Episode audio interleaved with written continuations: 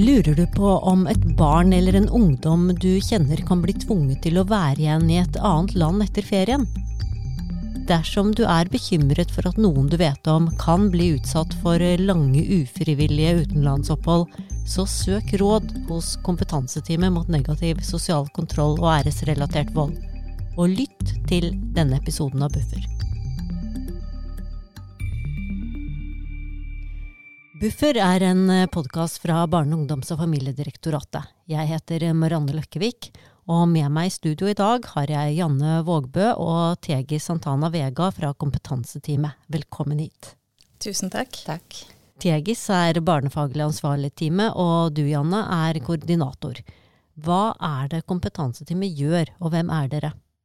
Vi er et nasjonalt tverrfaglig team som består av representanter fra seks ulike direktorater. Det er Bufdir som koordinerer teamet. Så er det Politidirektoratet, Utlendingsdirektoratet, Nav, Integrerings- og mangfoldsdirektoratet og Helsedirektoratet.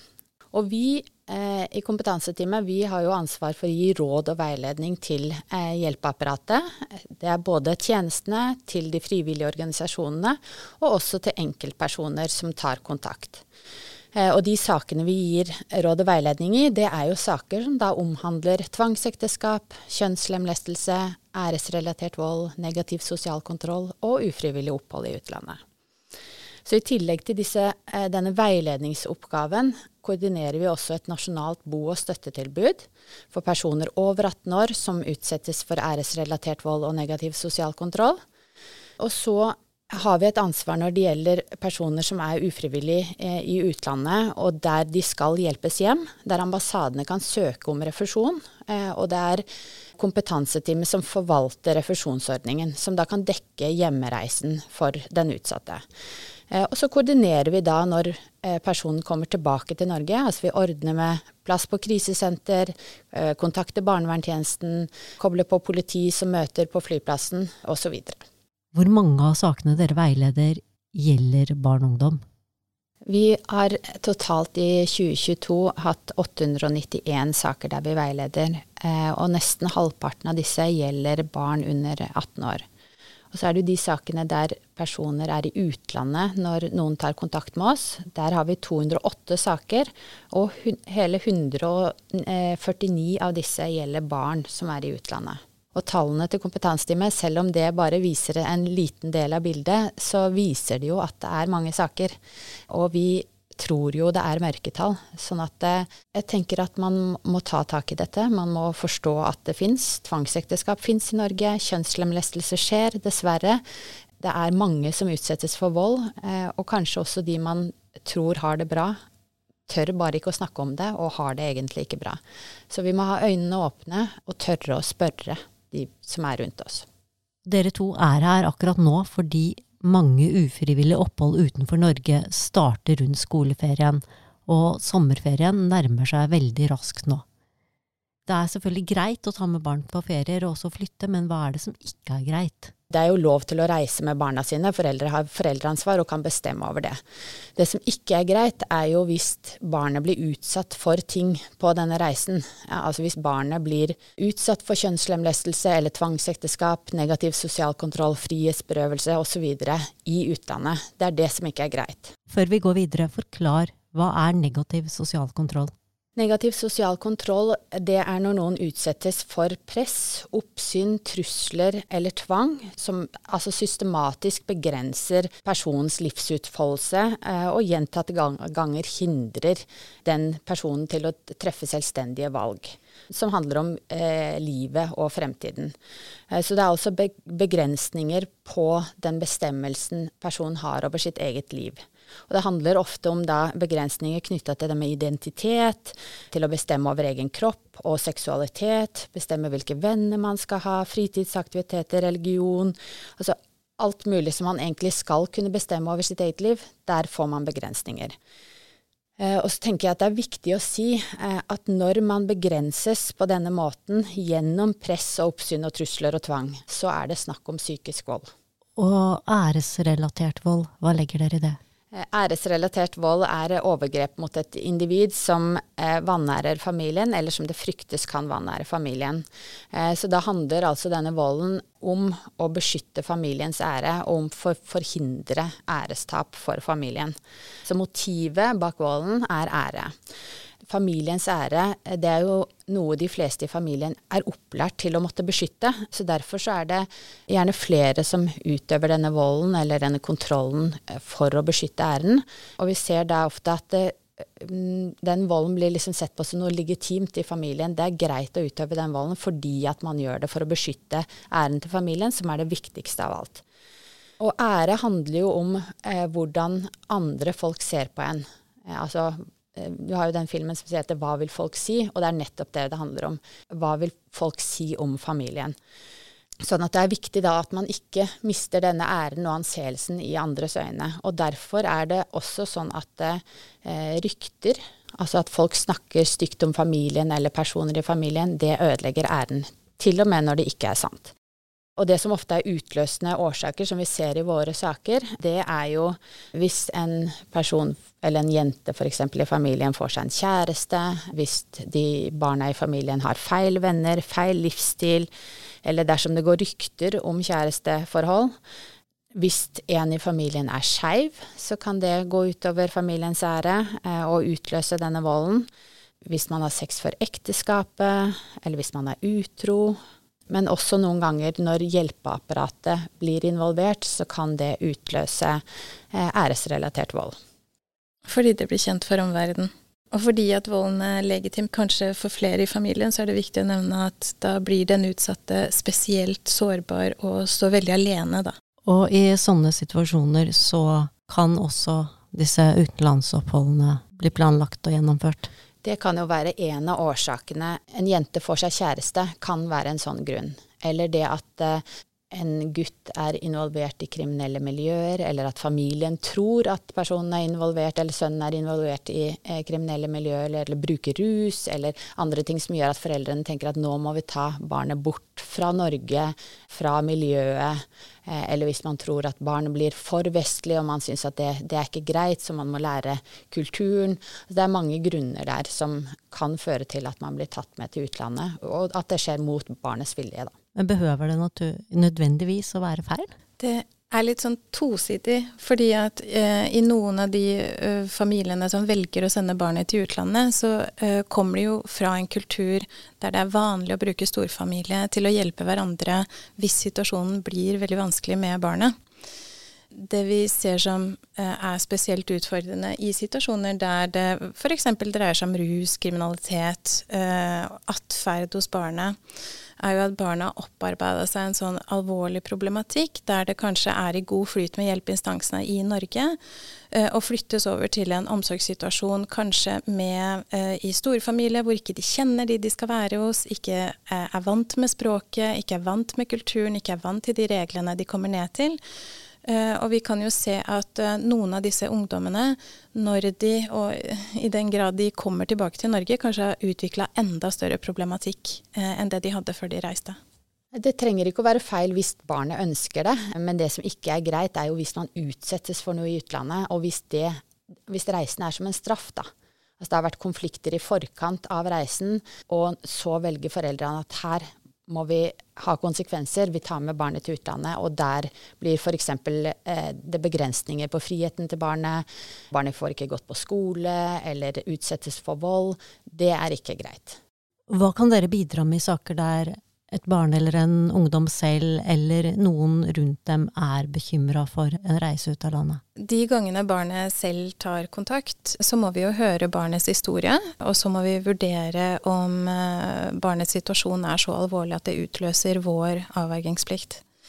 Men i de fleste situasjoner så ber vi jo barnet, eller setter barnet i kontakt med andre hjelpeinstanser. Eh, for det vi ønsker er at barnet kommer i kontakt med noen som både kan følge opp og følge med på barn over tid. De fleste henvendelser vi får er jo fra hjelpeapparatet, om det er skole eller eh, minoritetsrådgiver som jobber på skolen, barnevern.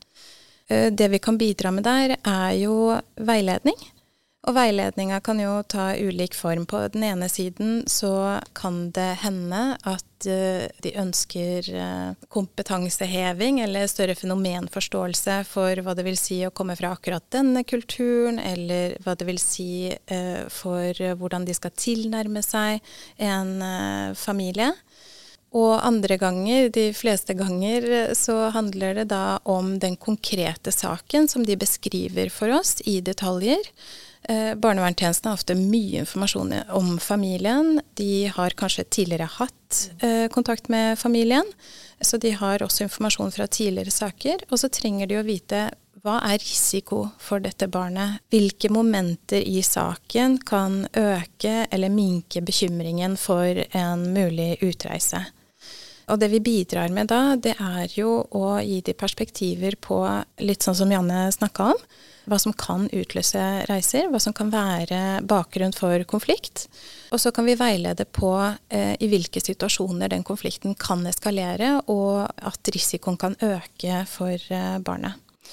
Eh, I tillegg til det så lurer jo ofte barnevernstjenester på hva skal man gjøre, eller både skole og barnevernstjeneste, hvordan skal de gå fram for å ikke øke denne risikoen for barnet. Eh, altså Foreldre kan bli veldig redde når eh, de kommer i kontakt med hjelpeapparatet, og så blir det den utløsende årsaken til at barnet reiser. Så ofte så bistår vi på arbeidet med barnet, jobber relasjonsmessig, eh, og når det er klokt å involvere foreldre, sånn at man ikke øker den risikoen for barnet. Hvordan skal de gå fram? Hva er rådene deres? Det viktigste er jo å jobbe med relasjon til barnet. Vi må ha en sånn grunnleggende forståelse for at uh, det å bli utsatt for æresrelatert vold og skulle eksponere denne volden for omverdenen, er noe som sitter langt inne for mange ungdommer. De, de vet at uh, dette blir veldig ugreit mottatt i familien og at det kan få alvorlige konsekvenser for dem. Så man må ha en grunnleggende holdning om at det holder ikke med å spørre én gang, eh, og det holder ikke bare med at du har spurt. Du må vise deg som en person som barnet kan ha tillit til. Være kanskje sånn kjedelig forutsigbar på at du er trygg og til å stole på. Og så må man da sakte, men sikkert eh, opparbeide seg den tilliten barnet trenger for å kunne fortelle om alvorlige ting. Eh, og det hører vi om at eh, kanskje særlig minoritetsrådgivere på skolen som eh, lenge jobber med å komme i posisjon med barnet, klarer det. Og at de først starter med å snakke om nøytral tematikk, ungdomstematikk, om kjedelig skolearbeid eller kjærester eller andre ting. Og så kommer de inn på, kanskje i små drypp, at de har det strengt hjemme. Og derfra så eh, kan de fortelle mer og mer etter hvert som de tenker at personen er der for dem og kan hjelpe dem, da. Minoritetsrådgivere er jo godt trent i dette, men som en vanlig lærer, en vanlig saksbehandler i barnevernet, en trener, hva skal vi gjøre? Ja, det vi opplever med de som kanskje ikke har den fenomenkompetansen, og kanskje ikke er vant til å ta disse samtalene, så har de likevel god kompetanse på barnet. Eh, så det vi hjelper dem til, er kanskje å systematisere den kunnskapen de har om barnet. Eh, og forstå den ut fra eh, den fenomenforståelsen vi kan bidra med. Og i tillegg til det så kan vi bidra med helt konkrete spørsmål de kan stille, og hvorfor de skal stille det, hva det har å, å si. Sånn at de kan koble disse to verdenene sammen, for de er jo eh, viktige personer for barnet. Og så kan vi koble på den kompetansen som de mangler, da. Ja, hvilke konkrete spørsmål skal man stille? Ja, man må jo tørre å gå inn i det, da. man må tørre å eh, Hvis et barn sier eh, 'jeg har det strengt hjemme', så må man spørre hva som er strengt, og når barna opplever det, og på hvilken måte. Det man må huske på, er at eh, indikatorer på eh, negativ sosial kontroll handler jo om at man kan spørre helt konkret på hvordan barnet blir kontrollert på tid. Hvordan barnet blir kontrollert på hva det skal ha på seg, hvilke venner det skal ha, hvem barnet kan omgås generelt, om det får lov til å ha fritidsaktiviteter, kjærester og kontakt med annet kjønn om det får lov til å være hele seg. Av og til så er det barn med kjønnsinkongruens, eller som identifiserer seg som annen eh, legning. Det kan være veldig vanskelig, spesielt for disse barna. Man må være godt kjent med barnet, rett og slett. Eh, og så må man ha med seg disse faktorene, da. Noen har venner som ser det, Noen frykter det selv, men tør ikke å snakke med noen. Hvem skal de henvende seg til?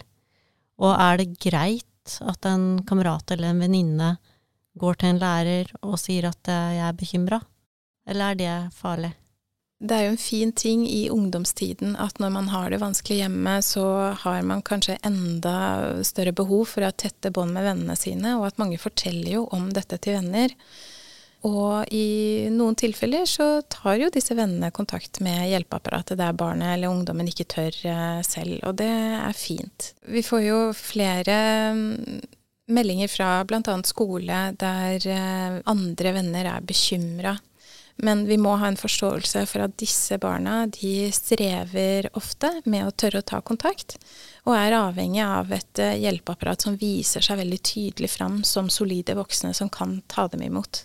Og så tenker jeg at det som Tegge sier nå, at man, man, kan ikke legge alt ansvaret opp, opp eh, til barna. ikke sant? Det er ikke mm. de som nødvendigvis må komme og fortelle, men det er vi voksne som må stille spørsmål.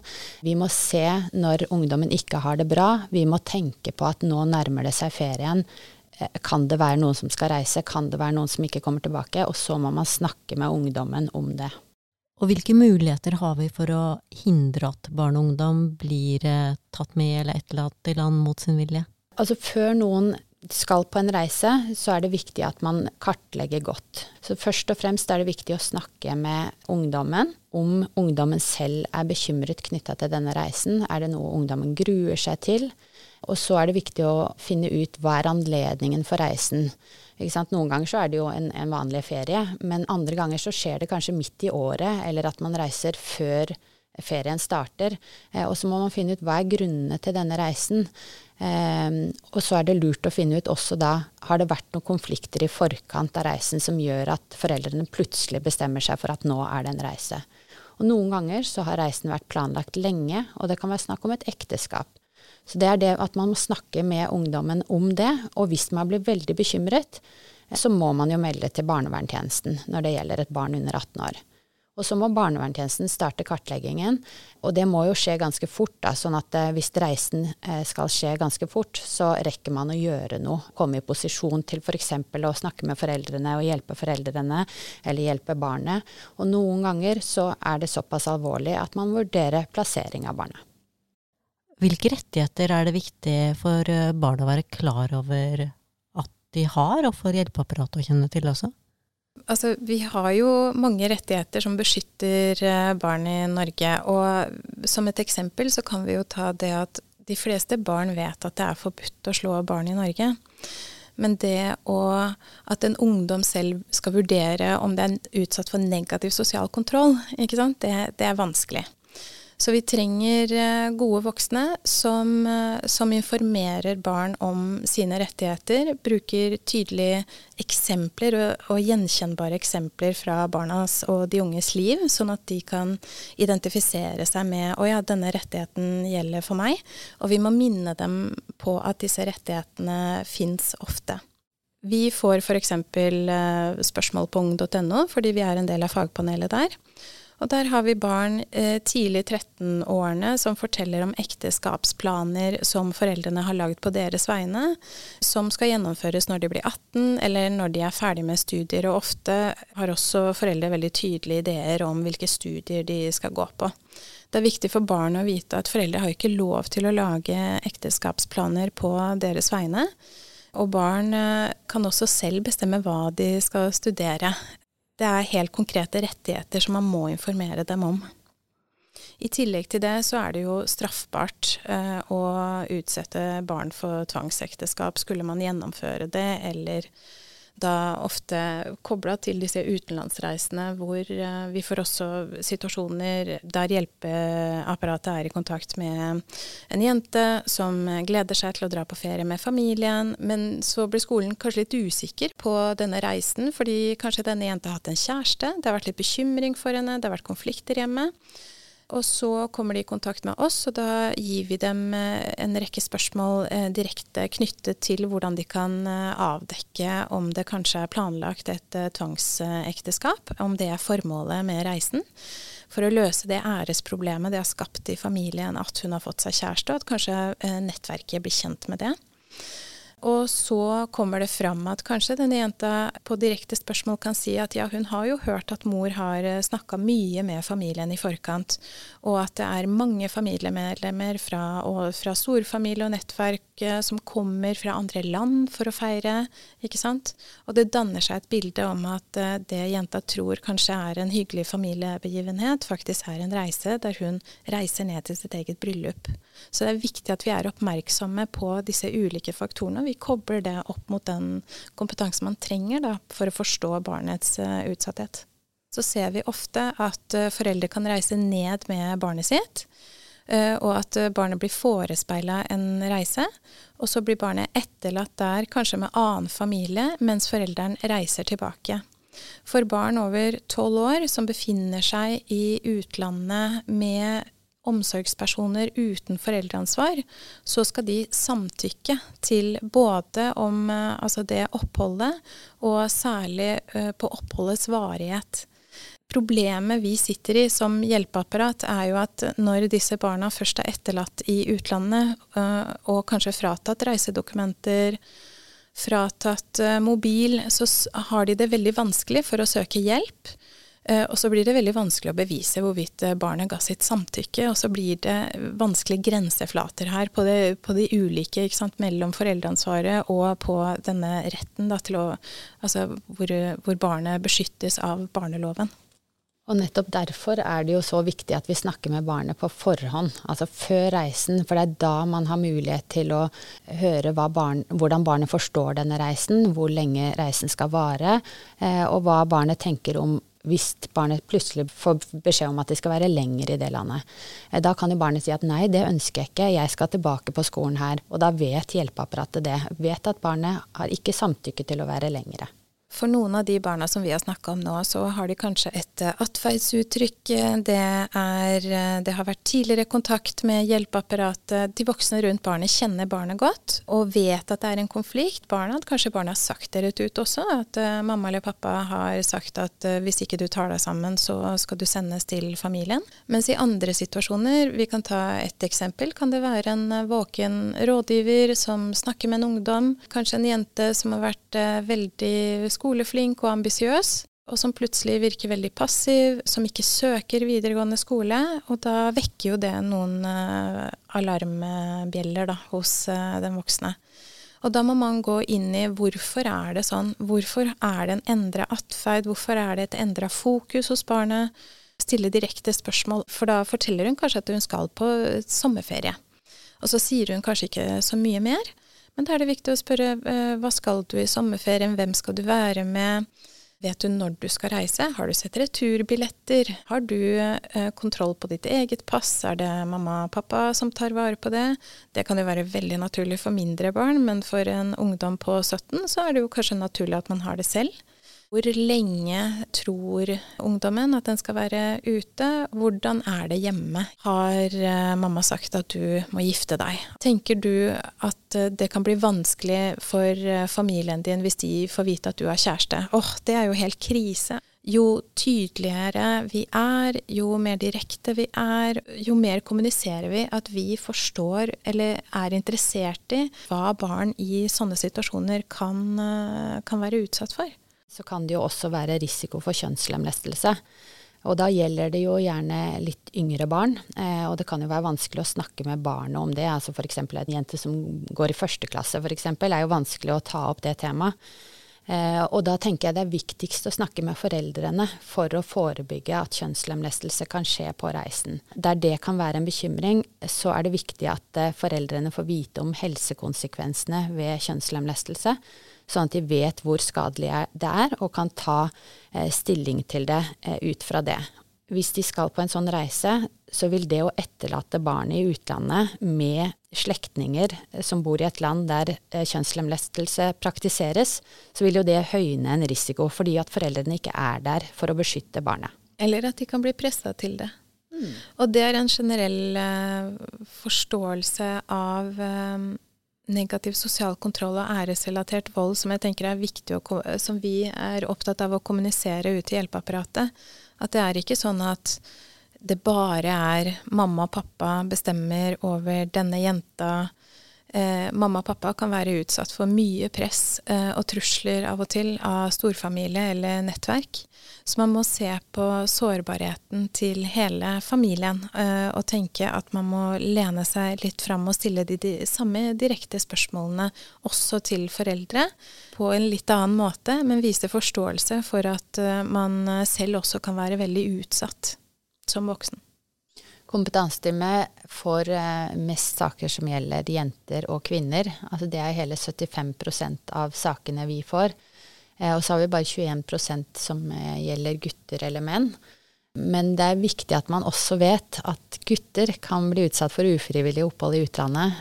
F.eks. For hvis foreldrene ikke er fornøyd med oppførselen, eller hvordan de gjør det på skolen, eller miljøet de er i så kan de bli sendt på skoler som ikke egentlig er skoler. Eller man kan kalle det eh, religiøse skoler som ikke egentlig handler om religion, men som handler om å tukte eller oppdra, og der man også kan bli utsatt for vold.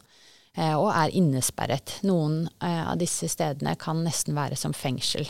så vi har noen av de sakene der gutter ber om hjelp, og det er vanskelig å komme ut av den slags skolen eller oppdragelsesanstalt eller fengselet de er i. Så er det også gutter som tvangsgiftes, som føler det presset, og som ser ingen annen mulighet enn å bli med på det eh, foreldrene har planlagt, og det familien har planlagt. Så de reiser til utlandet og blir gift, og så tenker de at da får jeg heller skille meg etterpå, for dette er ønsket jeg ikke. Så er det eh, også skeive gutter som eh, blir tatt med bort fra Norge der foreldrene tenker at eh, her vil eh, sønnen min endre seg hvis han bare blir gift med den rette kona, eller kanskje vi må be for denne gutten for at han skal endre seg. Eller kanskje var det bare en periode som vil gå over hvis han kommer og er sammen med familien og lærer mer om sin kultur. Så det er viktig å huske på at man må også snakke med guttene. Eh, og også guttene kan bli utsatt for æresrelatert vold og negativ sosial kontroll, og de kan bli utsatt for ufrivillig opphold i utlandet. Har dere noen begrep om hvor mange barn med sterk tilknytning til Norge som eh, sitter i andre land fordi at de ikke får komme tilbake? Nei, det har vi faktisk ikke noe tall på. Det er jo det som er litt sånn skummelt, er at det, tallene som kompetanseteamet kan presentere, det tror vi er bare en liten del av det. Ehm, det er jo der hvor hjelpeapparatet er bekymret og kjenner til kompetanseteamet og tar kontakt for veiledning. Det er da vi får registrert. Og da har vi jo da disse 149 sakene som gjelder barn i utlandet.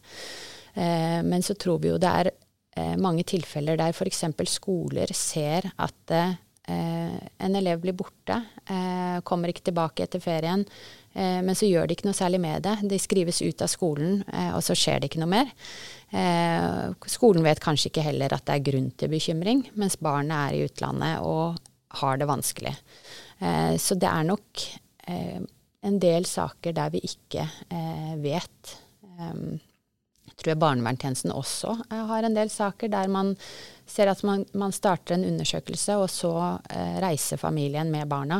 Eh, og da er jo familien Altså det er jo barna sammen med foreldrene eh, gjerne, eller sammen med en av foreldrene. Eh, men det kan jo allikevel være at det barnet har det vanskelig. vi hører jo noen ganger med, om barn da, som er i utlandet sammen med foreldre, men så utsettes for vold i utlandet av foreldre eller andre slektninger. Det går mot uh, slutten av den episoden. Er det noe vi absolutt ikke skal si eller gjøre? Det er jo sikkert veldig mange som lurer på akkurat det. Hva skal jeg absolutt ikke gjøre? Eh, vår erfaring er at det er vel ikke så veldig mye som man kan si som er så fryktelig galt. Eh, eller i hvert fall som hjelpeapparatet sier som er så fryktelig galt. Men det kan være veldig vanskelig å vurdere hva som er riktig steg videre. Og det er kanskje det som vi bistår mest med. Hva er tryggest at du foretar deg nå? Hvordan skal du gå fram uten å øke risiko for barnet? Det skal være lav terskel for å kontakte dere? Ja. Vi er en sparringspartner, og man kan drøfte mye forskjellig med oss. Dette er komplekse saker, og da er det viktig å ha sparringspartnere underveis. Når du spør om det hva man eh, ikke skal gjøre, så tenker jeg at det, det, viktigste er at man gjør noe. Det er mange der som ikke tør å ta tak i det. De som blir kjent med eh, informasjonen eh, og blir bekymret, de må gjøre noe. Det er det viktigste. Du har hørt Buffer, en podkast fra Barne-, ungdoms- og familiedirektoratet med Janne Vågbø og Tengi Santana Vega fra Kompetanseteamet mot negativ sosial kontroll og æresrelatert vold. Programleder var meg, Marianne Løkkevik. Og Kompetanseteamet har vakttelefon mandag til fredag fra klokka 9 til 15. Nummeret er 478 090 50. Og de kan også nås på e-post kompetanseteamet krøllalfa bufdir.no.